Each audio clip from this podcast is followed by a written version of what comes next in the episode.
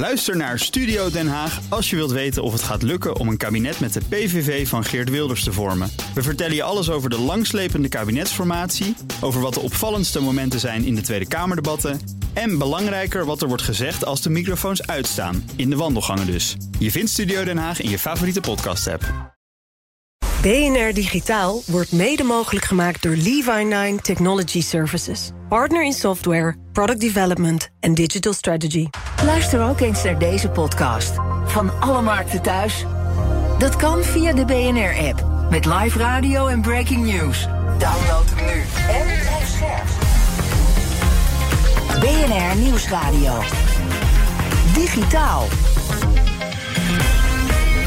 Joe van Buurik en Ben van der Burg. Goed dat je luistert naar BNR Digitaal. Dit is een belangrijk jaar voor Europese techwetgeving. Want nadat de Digital Markets and Services Act zijn ingevoerd, moet dat straks ook gebeuren met de AI Act. Die is net aangenomen, tenminste voorlopig, na zeer intensieve laatste onderhandelingen. Waarom dat zo'n bevalling was, dat hoor je zo. En in de tweede helft praten we over hoe goed onze smartphones nou echt te repareren zijn. Met nieuws van Apple erbij. En we beschouwen de staat van cybersecurity vooral als het gaat om de business daarachter... met de nieuwe Chief Strategy Officer van Netscaper. Maar eerst Ben van den Burg. Ja. Moeten we het hebben over Epic versus Google... Want het is 1-0. 1-0 is het. En, Blijkbaar. Ja, en vind je het terecht, Joe? Nou, het is wel interessant dat uh, de jury in Amerika vindt... dat Google dus daadwerkelijk een monopolist is... Ja, als dat het is gaat super om de. Play App Ja. Store.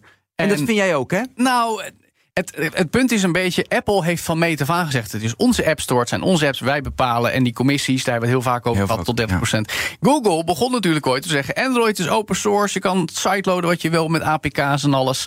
En dat werd steeds meer ook het model van Apple. Maar dat verschoof dus. Dus dan snap ik wel dat de onderbouwing is van... Google heeft, is eigenlijk een beetje hypocriet geworden. Dus zeker, dat kwam ook zeker in die rechtszaak naar voren. Wat ik ook interessant vond in die rechtszaak... dat Google dus hele valse spelletjes speelt... door e-mails weg te halen. Dat ze eh, deals maakten die gewoon... dus bijvoorbeeld met Apple... die gewoon zo heftig waren... waardoor ze concurrentiepositie, alle concurrentie wegbliezen. En ik, dat kwam naar voren, dat vond ik heel interessant. Wat natuurlijk wel raar is... dat eh, een jurylid vond eh, Sweeney van Epic... sympathieker dan de mensen van Google. Dat zijn Geloof hem op zijn mooie blauwe ogen achter zijn ja, bril. dat slaat natuurlijk helemaal nergens op. Nee. Maar het bracht wel heel veel naar voren. En ik denk inderdaad in de toekomst dat ja, de, de hele macht van die app stores... dat wordt afgebroken. En Ja. dat is denk ik wel voor de wereldwijde digitale markt wel goed. Maar dat is interessant, hè? dat we dus in Europa al met bijvoorbeeld die Digital Markets Ja, Act nu aan de vooravond staan van dat de macht Ja. van digitale platforms, winkels gaat worden afgebroken. In. Amerika is dit ook een, echt een, een, een landslide moment. Ondanks dat Apple, Epic twee jaar geleden nog de zaak verloor tegen Apple, maar dat was met een rechter. Dus ik ben benieuwd wat voor president nu deze uitspraak over Google gaat opwerpen. Maar vooral, ja, gaan we dan inderdaad over, nou pak een beter jaar of drie, vijf meemaken dat, dat appwinkels gewoon open zijn, dat commissies veel lager minder zijn, in de zijn. verleden tijd, dat we overal apps vandaan mogen plukken. En, Nou ja. en worden we dan minder goed beschermd, zoals Apple en Google Wat ze zeggen, beweren. Maar goed, de DMA, de, de, de Digital Markets Act, zegt al... dat we in Europa wel een tweede app store moeten hebben. Ja. Maar inderdaad, bescherming. Hoe gaat die eruit zien? Hoe makkelijk is die te vinden? Want kan straks iedereen er eentje opzetten. Want Microsoft heeft ook al gezegd. Die willen ook aparte appwinkel voor games bijvoorbeeld. En, en wordt dan het hele digitale landschap op je mobiel ook mooier? Dat is natuurlijk ook de vraag. ja, Hè? maar zoveel vragen, Ben. En die mogen wij de komende jaren allemaal gaan beantwoorden. Oh, zoveel werk te doen. Heerlijk. Heerlijk. Digitaal. Het kostte een hoop moeite, maar dan is hier wel de AI-act. Na jarenlange aanloop en marathononderhandelingen afgelopen week... ligt er nu een voorlopig akkoord over hoe de EU algoritmes... en aangrenzende technologie aan banden gaat leggen. Maar krijgen we daarmee wat de bedoeling is, gezien de uiteenlopende belangen... en schieten we onszelf er tegelijkertijd niet mee in de voet in meerdere opzichten? Dat zijn vragen voor Kim van Sparretak, Europarlementariër namens GroenLinks... en nauw betrokken bij onder meer deze AI-act. Welkom weer op afstand, Kim. Hallo. Ach ja, komt er nou een pakket AI-regulering waar we echt wat aan hebben? Of is er bij uitstek in die cruciale afgelopen fase nog te veel water bij de wijn gedaan? Nou, ik eh, denk eigenlijk dat we best wel een mooie AI-act hebben. Ehm, juist eh, in die laatste, nou ja, laatste uren wou ik zeggen, maar het waren dus 37 uur in totaal. Um, hebben zeker vanuit het Europese parlement echt nog veel belangrijke uh, dingen erin gekregen. Waarborgen die ervoor zorgen dat we echt alleen maar met, uh, met veilige systemen de markt op gaan. Dus uh, ja, daar ben ik echt heel blij mee. Maar dat is wel opvallend, want juist als er dan van die marathononderhandelingen zijn, dan, dan, dan krijgen wij op afstand, moet ik zeggen, het gevoel dat er heel veel oneenigheid is en dat heel veel concessies gesloten moeten worden. En concessies, dat is toch een woord waar mensen vaak in de praktijk dan toch allebei niet heel erg blij van worden, zou ik maar zeggen. Maar dat, dat valt dus mee. Om niet zo op jou te richten. Jij hebt gekregen wat jullie wilden met die AI-act? Ja, grotendeels uh, heb ik gekregen wat ik, wat ik wilde. Ik bedoel, ik had nog veel meer gewild. Uh, maar wat ik, als ik keek, kijk naar wat ik verwacht had te winnen tijdens die laatste onderhandelingen en waar we staan, dan heb ik bijna alles wat ik, uh, wat ik wilde winnen gewonnen. Dus ja, ik ben wel tevreden. Ja, de Raad heeft vooral veel water bij de wijn moeten doen. Oké, okay, en wat voor water? Dus de Europese landen. Ja, en, en wat hebben zij. En welk water hebben zij bij de wijn moeten doen? Dus wat hebben ze moeten doen? Nou ja, goed. Um, er, waren, er zijn natuurlijk een heleboel verschillende dingen die in die wet staan. Maar een van de dingen die, uh, die uh, wij reguleren is wat we als absoluut een te hoog risico vinden om, om op onze Europese markt te hebben. Um, en dat zijn um, dingen die we willen verbieden. Um, een daarvan is uh, biometrische categorisering. Dus stel je een app voor, ik bedoel, het, het, bestaat nog niet echt, maar stel je een app voor die je gewoon voor iemand kan houden, dan kan je zeggen: Oh ja, die is homo. Oh ja, dat, die is waarschijnlijk katholiek. Sociale score um, ja, en profilering, hè? Precies, dat. Nou, dat hebben we gewoon volledig verboden. Um, en de raad staat toch veel meer, nou, laten we niks verbieden. Hè, maar dit, dit gaan we echt verbieden. En ook criminaliteitsvoorspellingen. Dus dat, uh, dat je op basis van uh, een aantal gegevens van jou, zoals je nationaliteit of uh, waar je geboren bent, waar je op school hebt gezeten, dat dat gaat bepalen of jij een hogere kans hebt om crimineel te worden. Of, zoals in de toeslagenschandaal is gebeurd, of jij zomaar een fraudeur zou kunnen zijn. Ja, dat, uh, dat gaan we ook verbieden. Ja. Je gaat men, we gaan mensen niet profileren op basis van hun data. Maar het is wel interessant dat dat op zich al struikelblokken zijn. Hè? Want je zou toch geneigd te zeggen, die dingen die je noemt... over het algemeen in Europa zouden we het daar met elkaar eens moeten zijn. Nou, je kan bedenken, er zijn een aantal lidstaten die er dan net iets anders naar kijken. Um, in die, die, dat, dat kwam dus allemaal langs hè, in die onderhandelingen. Ook uh, heb ik je horen zeggen in, in de kranten bijvoorbeeld... dat AI-taalmodellen zoals die achter ChatGPT... nog heel lang onderwerp van gesprek zijn geweest. Wat was dan de toon en, en de sfeer in dat hele gesprek? Um, in het gesprek over die grote taalmodellen, want het was wel een beetje verschillend per stukje, maar in die grote taalmodellen was het echt van nee, we moeten onze industrie beschermen en dan vooral onze eigen um, ja, AI-industrie en zorgen dat, we, dat zij nog genoeg kunnen innoveren. Nou, dat is natuurlijk sowieso het paradepaardje van die grote techlobby. Mm. Die zegt elke regel die je invoert, die zorgt ervoor dat we nooit meer kunnen innoveren en nooit meer iets kunnen bereiken. Um, dus dat was denk ik daar vooral het argument. Laten we ervoor zorgen dat, uh, dat bedrijven niet zomaar Europa gaan verlaten omdat ze denken dat ze hier niks meer mogen. Yeah. Maar ik moet wel zeggen, dat was dan vooral de kant van de Europese landen. En de Europese Commissie die kwam er direct behoorlijk hard in. Want de hoeveelheid aan lobby die uh, op dit onderwerp uh, heeft plaatsgevonden is echt. Het is nog nooit zoveel geweest. En dat beaamde ook de Eurocommissaris Breton, die nou, alle andere digitale wetgeving al heeft gedaan. Al ja. heel dicht bij het vuur zit, zelf uit de industrie komt. En hij begon zelf met: we gaan toch niet Amerikaanse bedrijven laten bepalen hoe deze wet eruit gaat zien. Dat was zijn opening statement. Yeah. Dus vanuit de commissie was er ook wel echt tegengas om te zeggen: hé, hey, we hebben echt wel regels nodig. Ja, maar jij zegt Amerikaanse bedrijven. Ik heb heel nadrukkelijk gelezen dat het vooral Frankrijk en Duitsland ook waren die zich hierin roerden. Hè, met AI-bedrijven zoals Mistral, Aleph Alpha. Hebben allebei ook nog maar een waarde van één of enkele miljarden. Dus dat stelt eigenlijk helemaal niks voor naast die Amerikaanse grote techreuzen en AI-bedrijven. Um, en, en daardoor is toch ook weer een concessie afgedwongen. Hè, dat open source AI taalmodellen uh, grotendeels uitgezonderd zijn, tenzij ze toch een hoog risico vormen. Dus en die lobby is niet alleen uit Amerika, maar ook uit ons eigen Europa gekomen. En er is dus toch wat bereikt. Hoe kijk je daarnaar? Nou ja, die, die allergrootste modellen die krijgen gewoon regels. Uh, en dat zijn inderdaad tot nu toe geen uh, Europese bedrijven. Dus uh, die grote, grote techlobby heeft lekker verloren. Mm. die krijgen gewoon wel regels op hun bordje. en inderdaad, voor die kleinere modellen um, hebben we nu wel strenge regels wat, als het gaat over transparantie. Zodat we goed kunnen monitoren wat ze kunnen, wat ze doen, of ze, of ze alles wel goed testen. Um, zodat we ook, zodra we doorhebben van hé, hey, jullie hebben wel een risico, wij hen ook verplichte regels kunnen doen. En ik denk op zich dat dat een goede middenweg is. Want kijk, Mistral en Aleph Alpha, inderdaad, het zijn onze grote, grote bedrijven. Uh, maar zo groot zijn ze nog niet en zoveel kunnen ze nog niet. Um, dus, uh, dus op zich uh, kunnen zij, hebben zij ook nog niet zoveel impact en zijn ze ook nog niet zo'n hoog risico. Dus ik denk dat we daar op zich een goede balans hebben weten te vinden. En, nou ja, en, en vergis je niet, hè, want de, het feit dat Frankrijk zo hard heeft gelobbyd, komt dus niet alleen vanwege Mistral, waar ze een heel fel spelletje hebben gespeeld met een voormalig minister van Digitalisering, die nu hun toplobbyist is. Mm. Maar ze hadden ook een heel groot belang bij geen regels voor die grootste bedrijven. Want zij willen heel graag dat um, OpenAI, dus het bedrijf achter ChatGPT, hun hoofdkantoor in Parijs krijgt. En daarom hebben ze heel hard gepleit voor geen regels voor die grootste uh, platforms, ook die grootste uit Amerika niet. Goh, en moet iedereen dan niet lachen als ze dat horen? Dat ze dat eigenlijk niet serieus kunnen nemen? Of ben jij dan de enige? Uh, het wisselt, het wisselt. Er zijn genoeg mensen die de Kool-Aid hebben gedronken van... oh ja, inderdaad, elke regel uh, blokkeert innovatie. Helaas, hey, helaas. Ja. Hey Kim, de controle op de grote taalmodellen...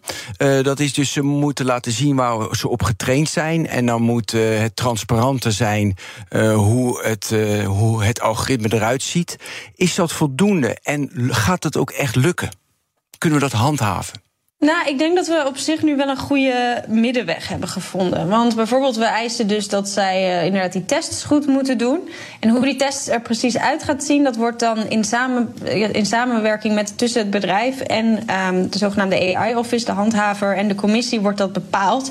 Waardoor we best wel zeg maar, op, op detailniveau kunnen kijken: oké, waar liggen de risico's en waar willen we dat jullie op testen en uh, zorgen dat het allemaal goed komt. Dus ik denk dat we daar echt een goede middenweg hebben gevonden die, die gaat werken. Maar goed, um, we hebben ook best wel strenge provisies in de wet gezet. waarin we gewoon zeggen van hé, hey, we gaan nu gewoon kijken hoe het gaat.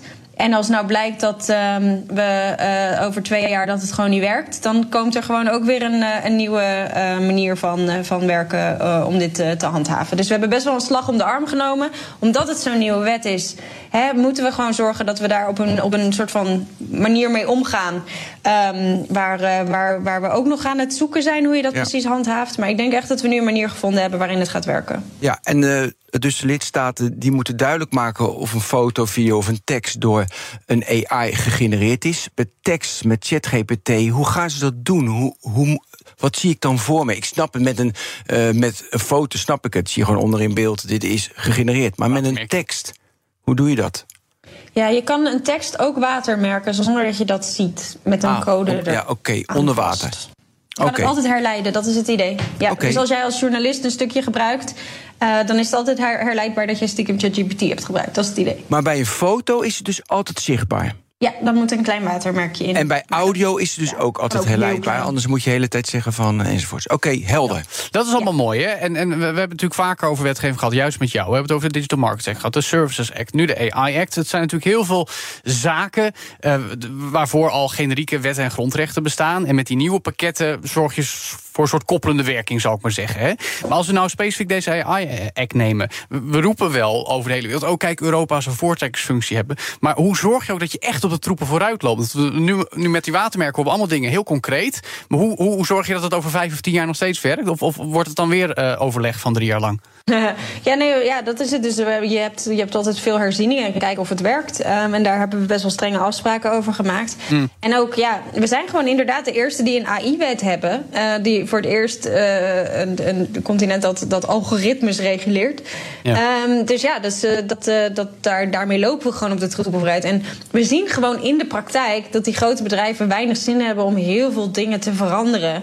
Um, voor de dingen die ze op de Europese markt brengen. En als uh, en, en bijvoorbeeld op de Amerikaanse. Dus je ziet gewoon altijd dat het effect heeft wat, wat wij doen in Europa. Ja, maar oké, tegelijkertijd hoorden we president Biden ook onlangs een decreet uh, lanceren... Hè, dat AI in de VS enigszins aan banden wordt gelegd. Ik stel me voor dat dat niet helemaal te vergelijken is met de AI-act... maar er gebeurt wel wat. Maar hoe zorg je dat jou of onze AI-act nou ook echt die leidende voorbeeldfunctie gaat krijgen? En, en er niet alleen maar weer juist een tegenreactie vanuit Amerika... met die techlobby die je net aanhaalde ontstaat? Nou ja, goed, we zien nu dat nou, Amerika heeft dus inderdaad ook hun, uh, hun voorstel gedaan. Dus op zich, hè, zij zien ook in dat er regels moeten komen... of dat er in ieder geval bepaalde vereisten moeten worden gesteld aan AI en algoritmes. En we hebben nu al die enorme overleggen... uh, in, uh, in de hele wereld. Uh, met hoe zorgen we er nou voor dat we overal in de wereld zorgen dat um, AI ethisch en veilig is. Mm. Um, en juist doordat wij nu die wet hebben, kunnen we dat, ervoor zorgen dat dat in die, um, in die enorme afspraken die wereldwijd komen terechtkomt. En ik, ik, ik zie dat best wel positief in, want er wordt best wel veel naar ons gekeken. We hebben ook expres een aantal definities zo opgeschreven dat het juist heel erg op één lijn zit met bijvoorbeeld wat de OECD belangrijk vindt of, of de Die hiermee bezig is. Dus ik denk dat wij door de manier waarop we ook daar alvast een oogje op hadden, op al die grote uh, wereldwijde verdragen, denk ik dat we daar best wel veel invloed op kunnen gaan hebben. Maar goed, de praktijk gaat het uitwijzen. En ook daar zit die techlobby natuurlijk weer bovenop. Dus uh, we gaan het zien. Nou, en precies wat je zegt, ze hebben vaak geen zin om, om zich aan te passen aan Europa. Dus dan nemen ze al gedeeltes over, zodat het weer een global company is, zeg maar. hey, uh, ik vraag me ook nog af, als je nou, wat voor innovatie kan je doen? Want jij moet natuurlijk regelgeving, restrictie, restrictie restrictie. Maar Europa staat er ook voor, we moeten een innovatief land zijn. Heb je elementen gezien in die AI-act die zeggen van... nee, daar kunnen we als Europa op innoveren? Goh, op zoveel Moeilijk, hè? Ik denk echt ook zoveel. Ja, nee, ik denk echt, bedoel, op, op wat wij doen op medisch gebied, denk ik echt, daar lopen we echt best wel voor op in Europa. Um, maar ook um, uh, hoeveel bedrijven er bezig zijn met optimaliseren van recyclingprocessen, circ circulaire economie.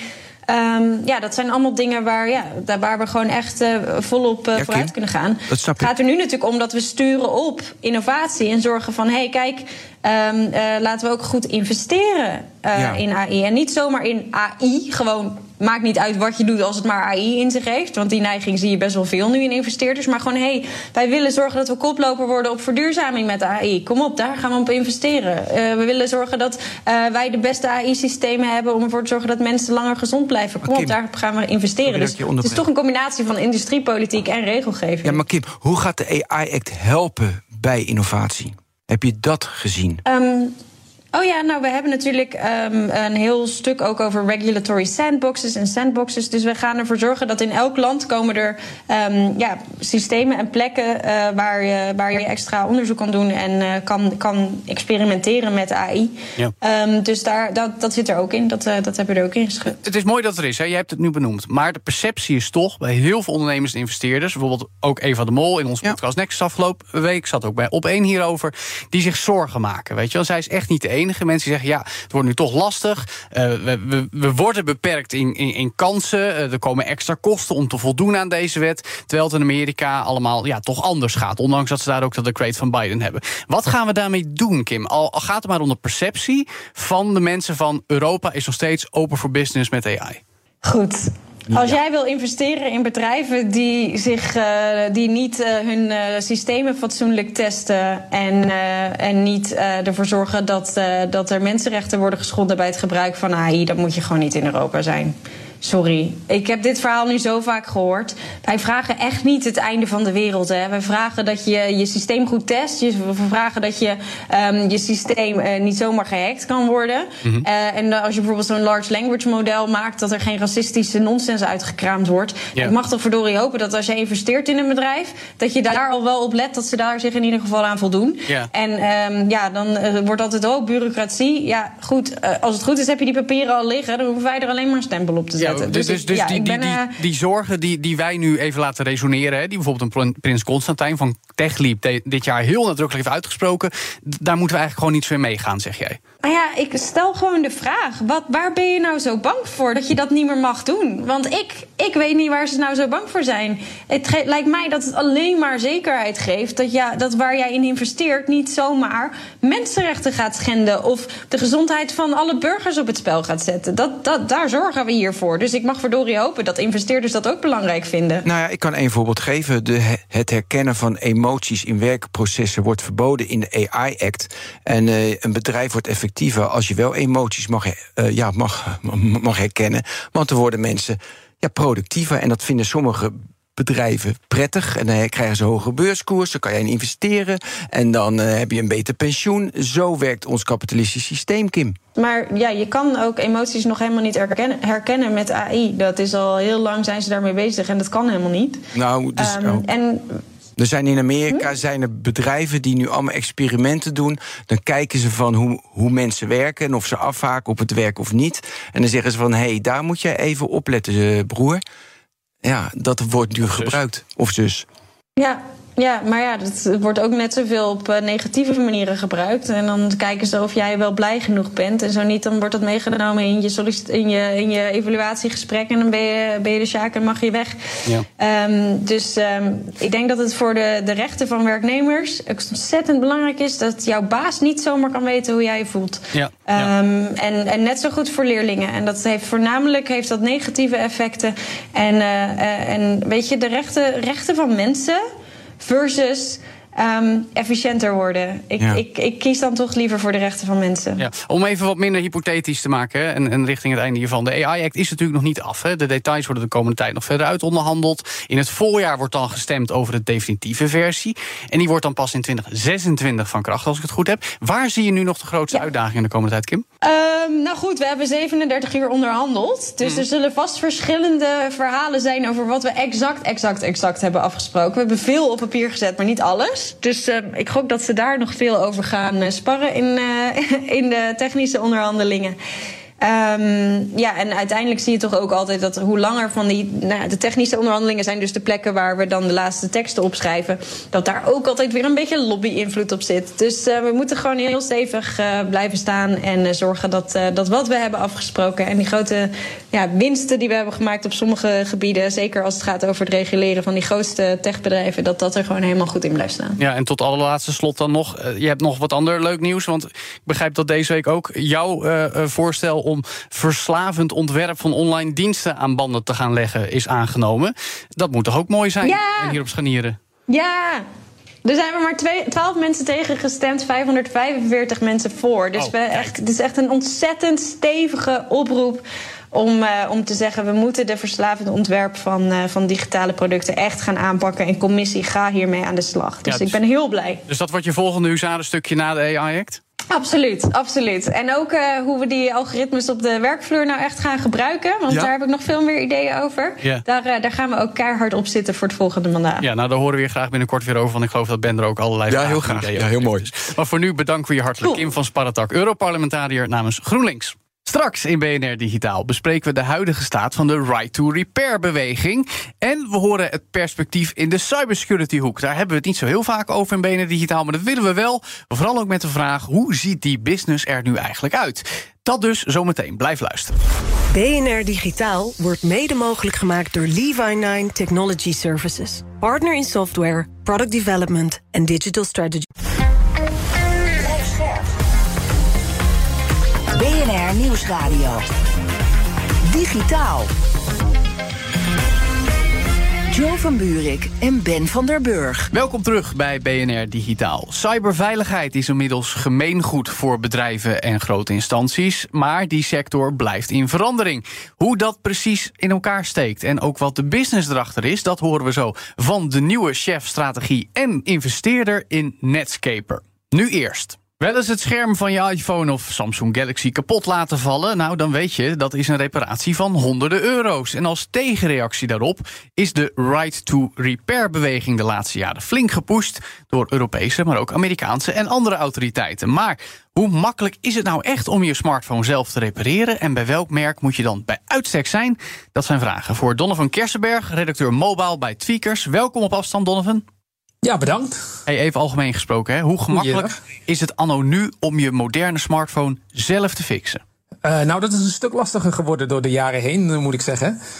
Uh, voorheen was dat een kwestie van uh, je smartphone openschroeven, de onderdelen loshalen en eventueel de kapotte onderdelen vervangen door de nieuwe versies. Uh, en tegenwoordig uh, moet je echt aan de slag met, uh, met, met hete luchtguns of andere apparaten om je telefoon überhaupt open te krijgen. Omdat ze amper zijn dichtgeschroefd, maar dat er lijm wordt gebruikt. Ja, ja. ja, dus kort gezegd, kansloos om hem zelf te repareren. Ja, nou ja, kansloos is een beetje een, een, groot woord, maar je moet er wel veel meer moeite voor doen om hem überhaupt open te kunnen krijgen. Ja, hebben de manufacturers dat bewust gedaan, dat ze het steeds moeilijker maken, of was dat onbewust? Waarom is het moeilijker? Ehm, ja, of ze het nou bewust of onbewust hebben gedaan, dat is een beetje moeilijk te zeggen. Eh, eh, heel veel mensen hebben de neiging, en die heb ik zelf ook gehad, om inderdaad te zeggen van het hebben ze bewust gedaan. Uh, alleen de fabrikanten zeggen vaak zelf: nee, wij kiezen voor lijm omdat smartphones tegenwoordig allemaal waterdicht moeten zijn. En, uh, en stofdicht, dat, dat, gaat nog maar eenmaal beter met lijm. Ja, waterdicht, stofdicht inderdaad. Uh, de zogenaamde IP68-certificering moeten ze krijgen. Of tenminste, niet alle fabrikanten doen dat, maar de meeste die, die streven daarnaar.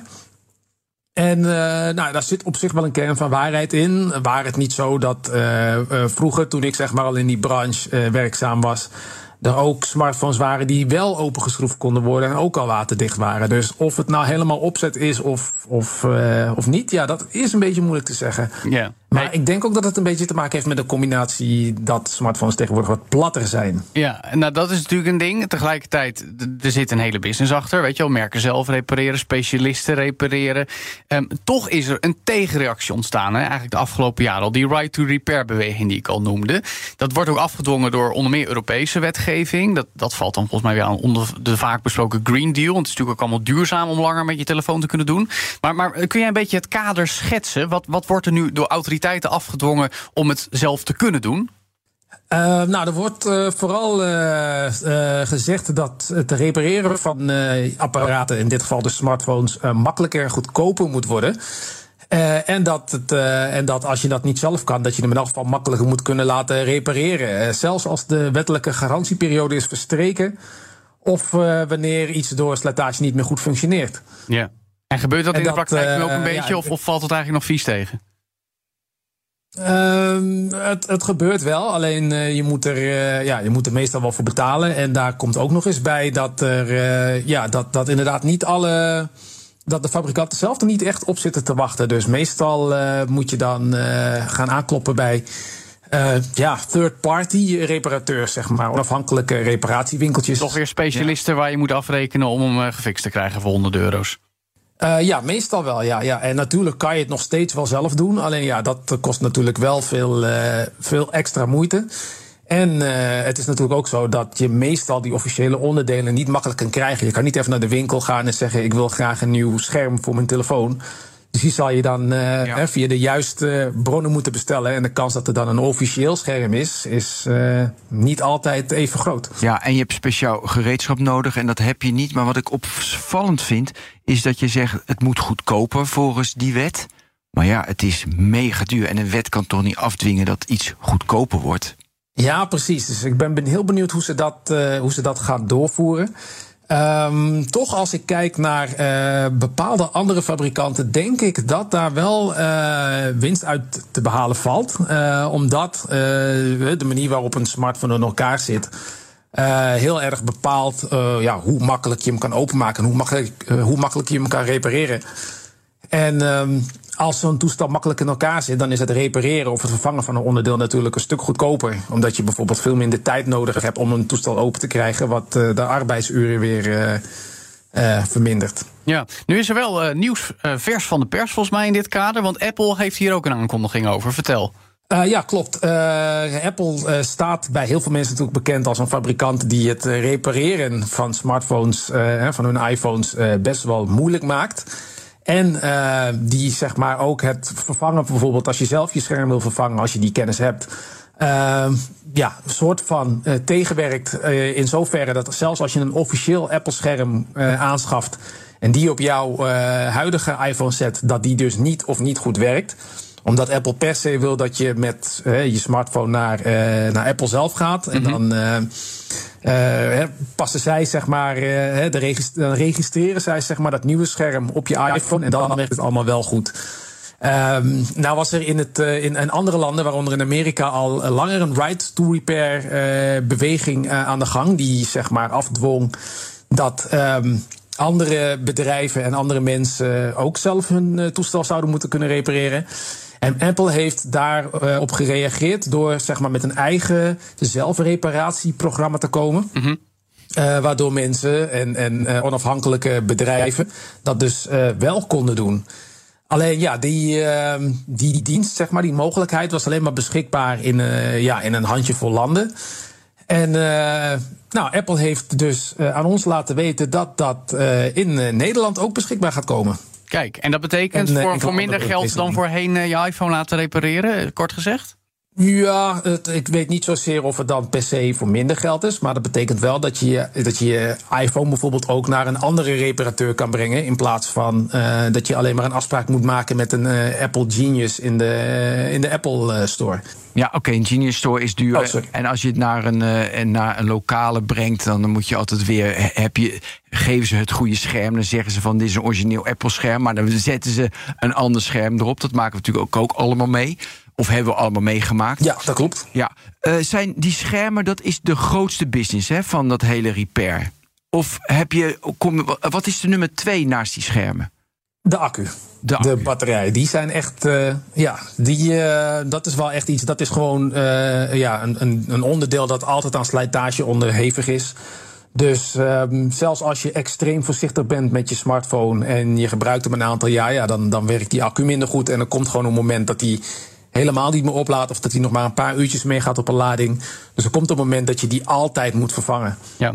Hey, nu zijn er ook voorbeelden van uh, merken die het heel erg goed doen. Hè? En een notabene eentje uit Nederland, Fairphone. En dan de Fairphone 5, die volgens het reparatieplatform iFixit het makkelijk zelf te fixen is. Heeft een maximale score Precies. gekregen, vijf sterren. Las ik ook bij jullie bij Tweakers. Fairphone staat natuurlijk ook voor duurzaam, hè? duurzaam en zelf doen. Wat doen ze nou met dat toestel dat dat zo goed kan daar? Uh, de manier waarop de smartphone in elkaar zit dat is het eigenlijk uh, het simpelste. Uh, er, is, uh, ja, er komt eigenlijk geen lijm aan te pas. je kan de achterkant van de smartphone gewoon met je, met je vingernagel eruit wippen. Net zoals hoe dat vroeger eigenlijk ging. Um, waardoor je dus überhaupt geen schroevendraaier nodig hebt om de telefoon open te maken. En hetzelfde geldt dus ook voor de accu die erin zit. Dus stel dat na een aantal jaar die accu helemaal versleten is. Nou, dan trek je die achterkant eraf. Je wipt die accu eruit. Je stopt de nieuwe erin. En je bent klaar. En die accu kun je dus ook nog gewoon uh, een officiële accu loskopen bij Fairphone zelf. Ja, oké. Okay, uh, dus Fairphone, eh, die kan je het beste repareren. Is die ook het meest duurzame? Want je kan ook zeggen, ik heb een iPhone 15 Pro... en die gaat naar de volgende, gaat naar de volgende, gaat naar de volgende... en die gaat ook nog tien jaar mee. Dus wat is nu duurzamer? Ja.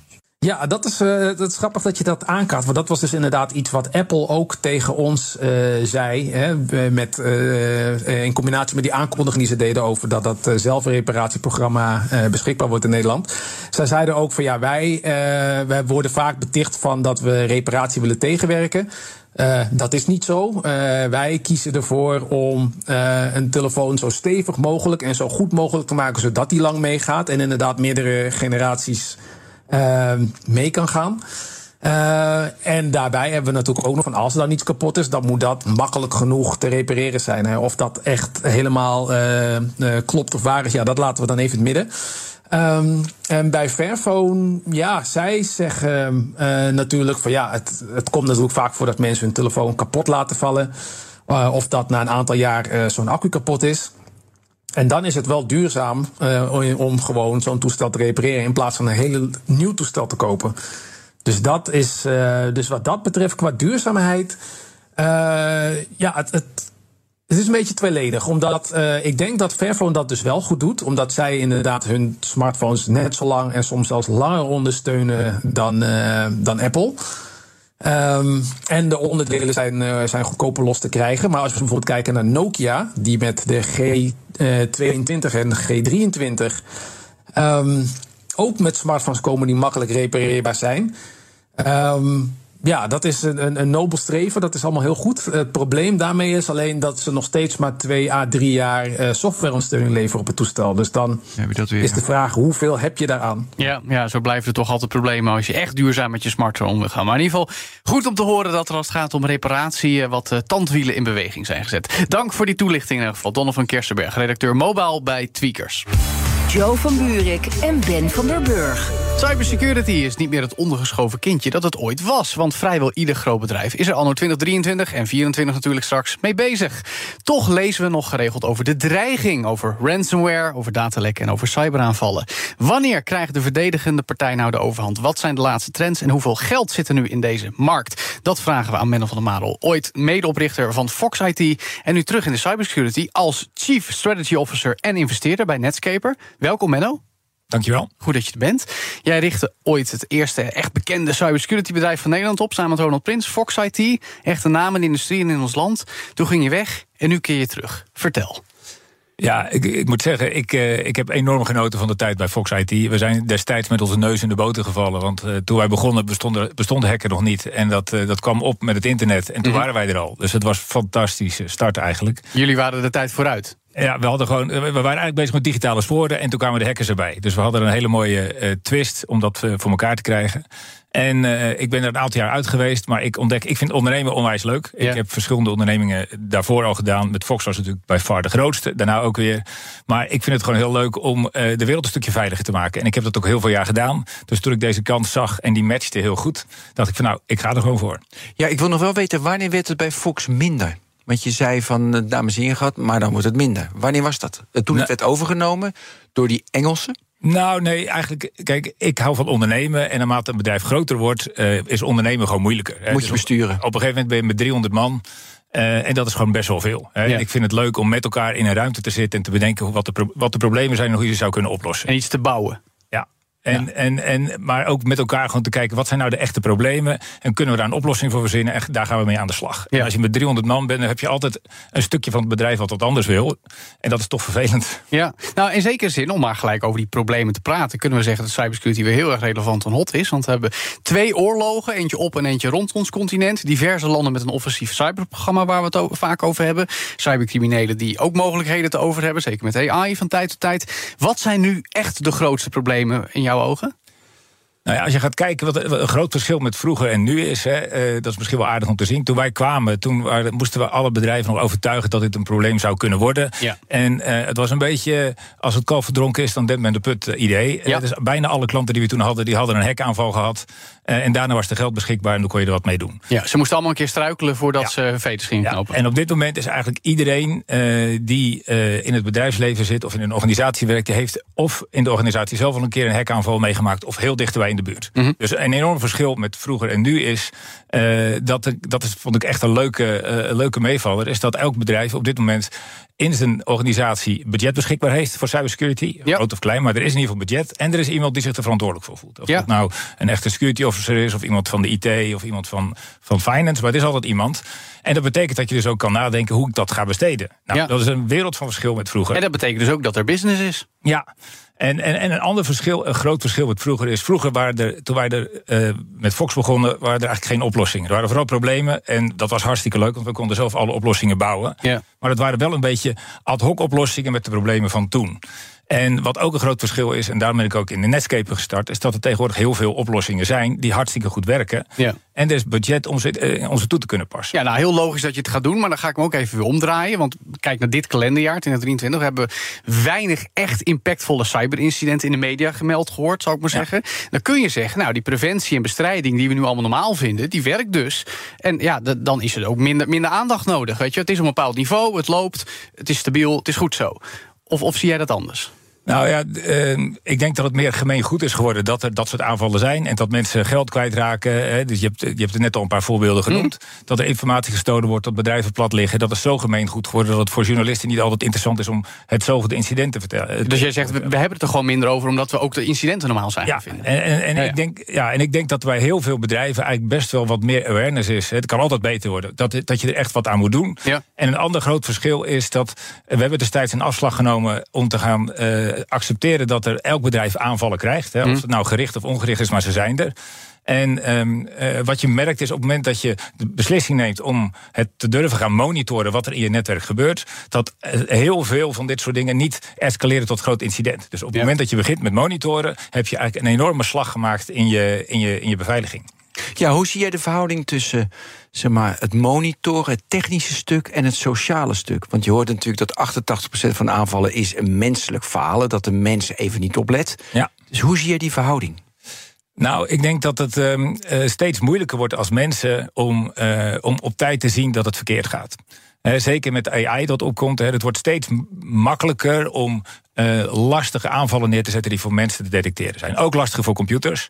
Ehm, dus ik vind dat het, het is belangrijk dat je bepaalde hygiëne toepast binnen je bedrijf. Hè. Zeker voor gerichte aanvallen. Hè. Wat heel veel gebeurt, dat is eigenlijk informa- of, eh, identiteitsdiefstal. En waar is dat interessant voor? Dat is voor een secretaresse of voor een CEO of voor iemand die de finance doet. Zodat je rekeningnummer kan veranderen of geld kan laten overmaken of informatie kan stelen. Ja. Ehm, en die worden steeds geraffineerder. Hè? Ik, ik heb zelf meegemaakt dat ik net bij een nieuw bedrijf begon. En binnen twee weken had mijn secretaresse 25.000 euro overgemaakt. Namens mij. Ja. Eh, dat was ik helemaal niet. Het was een gek Gmail-account. Ik had haar nog net niet uitgelegd waar ze op moest letten. Ja, maar, dit, maar dit, dit kom ik zelf ook tegen. Dan krijg ik een mail van een instantie waar ik iets mee moet. En die stuurt mij, kun je even je BSN op de mail zetten? Dan denk ik, nee. Maar dat, dat, dat gebeurt dus nog steeds. Is dat dan de verklaring voor, voor, voor wat je probeert aan te geven? Dat, dat, gewoon nog, dat het er nog steeds niet helemaal in zit? Nou, wat, wat, er zijn, kijk, je moet kijken wat nou de bedoeling is van de, die criminelen om dit te doen. En dat is toch bijna altijd gericht om geld te verdienen. Hè, Ja. Of om speciale informatie te krijgen. En door bijvoorbeeld corona eh, zijn we veel digitaler gaan werken. Waardoor we dus digitaal inloggen. Eh, op allerlei verschillende manieren. En dat is een kans voor, voor hackers om op dat digitale plekje je identiteit te stelen. Ja, ja oké, maar dan hebben ze je identiteit gestolen. En wat ik interessant vond, dat je zei van straks is het zo geavanceerd. Kijk, nu let Joe nog op op zijn bezen en die denkt, ah, ga ik niet sturen. Jouw secretaris had het net niet door, weet je, maar normaal. Maar straks kan ze het niet meer doorhebben. Toch? Wat jij zegt, dat is zo geavanceerd. Het is zo'n voice clone. Het is, eh, je kan het niet doorhebben. Wat dan? Nou, wat- ik dus leuk vind, hè, ik, ik ben nu net weer hier ingedoken. Dus een van de eerste dingen die ik, die ik begrijp nu, is dat vroeger hadden we ook al ideeën over hoe je dat soort dingen met monitoring kan tegenhouden. Maar dan was het ingewikkeld om te maken.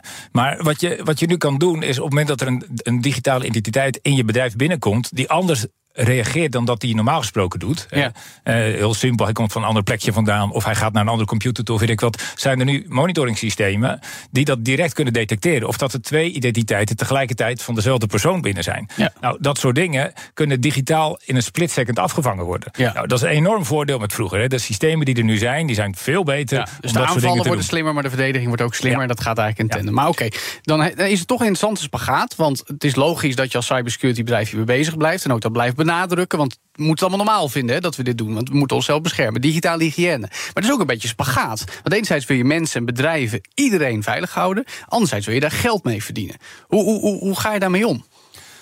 Eh, bedoel, als cybersecurity bedrijf. Ja, nee, want ik bedoel, enerzijds wil je. Kijk, die bedrijven die dat nu allemaal normaal vinden om dat te budgetteren, gezegend. Maar het gaat ook om de samenleving. En mensen die een kleinere portemonnee hebben in deze tijd. Ja. Die moeten cybersecurity ook belangrijk vinden. Dan is awareness, maatschappij breed, is één ding. Maar mensen daar allemaal voor laten betalen met stijgende kosten, dat is toch best lastig, kan ik me voorstellen. Ja, ja, mijn ervaring is dat het eigenlijk bij individuen over het algemeen heel erg meevalt. Oké. Eh, dus er wordt wel heel veel over gesproken en je moet ook opletten.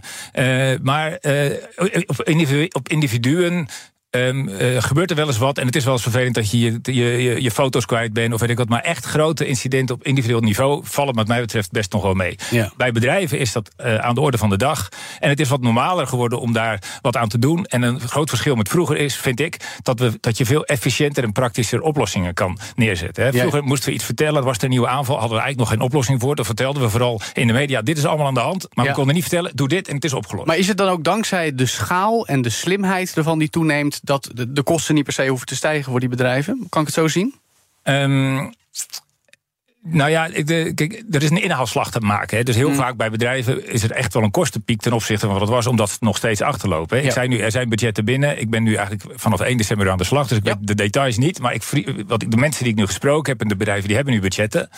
Ehm, en het hangt er ook een beetje vanaf wat het acceptabele veiligheidsniveau is wat je zou willen hebben. Ja. Ehm, maar wat ik zie is dat je eigenlijk met een, met een acceptabel budget ten opzichte van de risico's die je hebt, een enorme slag kan maken. Dat je zeg maar van de nul af bent en in de basiszaken hebt geregeld. En dat, was, dat is echt anders dan vroeger. Was alles heel duur en er was nog maar de vraag of je, of je nou wel veilig was of niet. Ja, noem eens een percentage. Van, van wat je normaal moet besteden aan, eh, aan je cybersecurity. Ik denk aan mijn sloten ah, in mijn huis. Mijn huis is zoveel. Ik besteed aan een alarm en zo. Een paar duizend euro besteed ik, want dat moet ik, anders, worden, anders wordt er ingebroken. Wat is het bij een gemiddeld MKB-bedrijf? Eh, vind ik heel lastig om te zeggen. Ge- ge- geef eens. Ja, eh, kijk, waar het nu over gaat, is dat je zeg maar, per werkplek eh, betaal je, laten we tussen de 5 en de 10 euro voor beveiliging. dat is toch wel veel, denk ik. Als ik denk van, ja, ik weet niet wat Nou een ja, als je werkplek... MKB. Eh, normaal gesproken aan je hele office pakket en alles eh, ja, besteed, dan Ja. is het toch een groot percentage. Want je office pakket Nou is ja, toch niet ten opzichte zoveel? van de omzet van een bedrijf denk ik dat het wel meevalt. Je omzet van het bedrijf wel, ja. Maar Oké, 15 euro per werkplek. En dan heb ik ook nog een vraag over hoe integreert het dat met mijn normale office pakket die ik heb, met mijn normale werkprocessen. Hoe, hoe integreert dan zo'n uh, hoe, uh, zo een monitoringssysteem? Dat is trouwens een van de belangrijkste redenen dat ik in Netscape ben ingestapt ten Mm. opzichte van iets anders. Mm. En want vroeger moesten wij altijd systemen bouwen die je zeg maar, op de IT op, moest ja. plakken. Ja. En Netscape heeft een, van wat mij betreft een uitzonderlijke keuze gemaakt. Die heeft gekozen om Microsoft Security als centrale oplossing te kiezen. Ja, jullie werken samen, hè? En eh, dat betekent dat, we, dat een bedrijf die al Microsoft heeft, die, daar, daar bouwen we bij voorkeur oplossingen bovenop die ook van Microsoft zijn. Zodat die heel goed integreren in de systemen die er al zijn. Dus daar heb je als gebruiker eigenlijk nauwelijks of helemaal geen last van. Ja. En maar, kijk, Microsoft heeft zelf ook security systemen eh, op hun eh, zeg maar Azure Cloud. Dus, eh, Ja. dus dat hebben ze ook. Wat is dan de toegevoegde waarde van wat jullie doen? En waarom doen ze dat straks niet zelf? Ja, een goed punt. Microsoft die is een supergroot bedrijf. Die hebben ook enorm veel Super klanten. Super, nou ja, ik denk dat ze qua security suite, voor de mensen die zich een beetje in verdiept hebben, dus enorm toegenomen de kwaliteit. Hè? Ja. Dus, Ja. Dat eh, verklaart ook waarom er minder aanvallen in ieder geval in de media zijn, zal ik maar zeggen. Ja, maar dat heeft ook te maken dat. Kijk, je hebt natuurlijk de gebruikersproducten van Microsoft hebben minder gaten. Maar daarbovenop is een grote suite met security producten. die bijvoorbeeld die monitoring eh, heel goed in de gaten houden. En ook Ja. meteen kunnen reageren op nieuwe type aanvallen in Microsoft documenten. Zodat je die ook meteen weer detecteert met de Microsoft security producten. Dus Ja. eh, een fijne interactie. Ja, nou in ieder geval hartstikke mooi. Tot slot dan nog even. Hè. Je bent dus Chief Strategy Officer. Je bent investeerder bij Netscape. Je steekt er 2,2 miljoen euro in. Wat ga je opnieuw toevoegen aan de branche met cybersecurity nu je er terug in bent? Ja, je bent, je bent al een beetje genoemd volgens mij dat heel veel eh, bedrijven die gebruiken soms security oplossingen gewoon als techniek. Die zetten ze neer omdat ze dan denken dat het dan opgelost is. Ja. En techniek is een enorm belangrijke schakel. Maar je hebt een combinatie nodig van techniek en wat er op dit moment belangrijk is voor het bedrijf om te weten. Dus wat, wat ik graag zou willen veranderen is dat je, je hebt die goede monitoring nodig. Maar daarbij heb je ook een, eh, een een feed uit de wereld van cybersecurity wat er gebeurt. En een bedrijf wil dan eigenlijk weten, joh, moet ik nu al doen of niet? Hè, dat stukje. Dus dat Ja. is eigenlijk de menselijke factor van ik zie op jouw netwerk dit gebeuren, in de wereld lezen we dit. Ja. Jij moet nu actief iets gaan doen. En, daar gaan jullie extra op focussen. Ja, dus wij focussen op dat. En het tweede is, ehm, doordat er zoveel verandert in de wereld, is je, je roadmap voor security bij een bedrijf, eh, als die er is, eh, die moet een bepaalde richting op. En je wil gewoon weten dat die roadmap nog steeds klopt. AI Ja. komt op, Ja. wordt een enorme shi- shift in de komende eh, jaar, twee Ja. jaar. Dat heeft impact op security. Dat is lastig voor de CISO om zelf te bedenken hoe dat moet. Wij hebben straks de, de, de monitoring aan de ene kant. We zien wat er in de wereld gebeurt. En kunnen ze eigenlijk steeds vertellen wat je moet doen. Dus we zitten niet de hele dag bij die klant op de, op schoot. Maar we zorgen wel dat we heel vaak bij hem eh, op de radar zijn om te vertellen: joh, je hoeft je nou geen zorgen te maken. Het is niet erg. Of hey, dit is heel belangrijk. Je zou Ja. nu A, B of C moeten doen. Ja, nou, de combinatie van die twee is denk ik het verschil. Ja, nou in ieder geval goed om te weten. En hou ons op de hoogte als jullie een keer iets interessants zien in dit spectrum. Dankjewel. Menno van der Madel, Chief Strategy Officer en investeerder bij Netscaper. Tot zover BNR Digitaal. Luister je ook al naar ons als podcast? Zo ja, beoordeel ons dan in je favoriete podcast-app. Zo nee, abonneer je dan ook op de podcastversie van BNR Digitaal en beoordeel ons. En doe dat vooral ook met de Tech Update voor het laatste technieuws twee keer per dag. BNR Nexus, onze discussiepodcast met diepere inzichten. En natuurlijk Ben, de Ja. technoloog, met jou en Herbert. Deze week gaat het over. Dan gaat het over het scannen door de overheid van onze chat-apps. Moeten we dat wel willen? Nee. Voor onze veiligheid. Ben. Voor Ja, onze precies. veiligheid. Met Bert Hubert. Heel interessant. Nou, heel goed. Luister dus naar de technoloog. En natuurlijk komende woensdag weer een nieuwe BNR Digitaal. Dus zeg ik namens onze hele techredactie bij BNR. Tot volgende week. Dag. Hoi. BNR Digitaal wordt mede mogelijk gemaakt door Levi9 Technology Services. Partner in software, product development en digital strategy. Ook Diana Matroos vind je in de BNR-app. Ja, inderdaad. Je kunt live naar mij luisteren tijdens de Big Five. Ook handig in de BNR-app. Breaking nieuwsmeldingen, maar ook het allerlaatste zakelijke nieuws. En je vindt in de app alle BNR-podcasts, waaronder Wetenschap Vandaag. Download nu de gratis BNR-app en blijf scherp.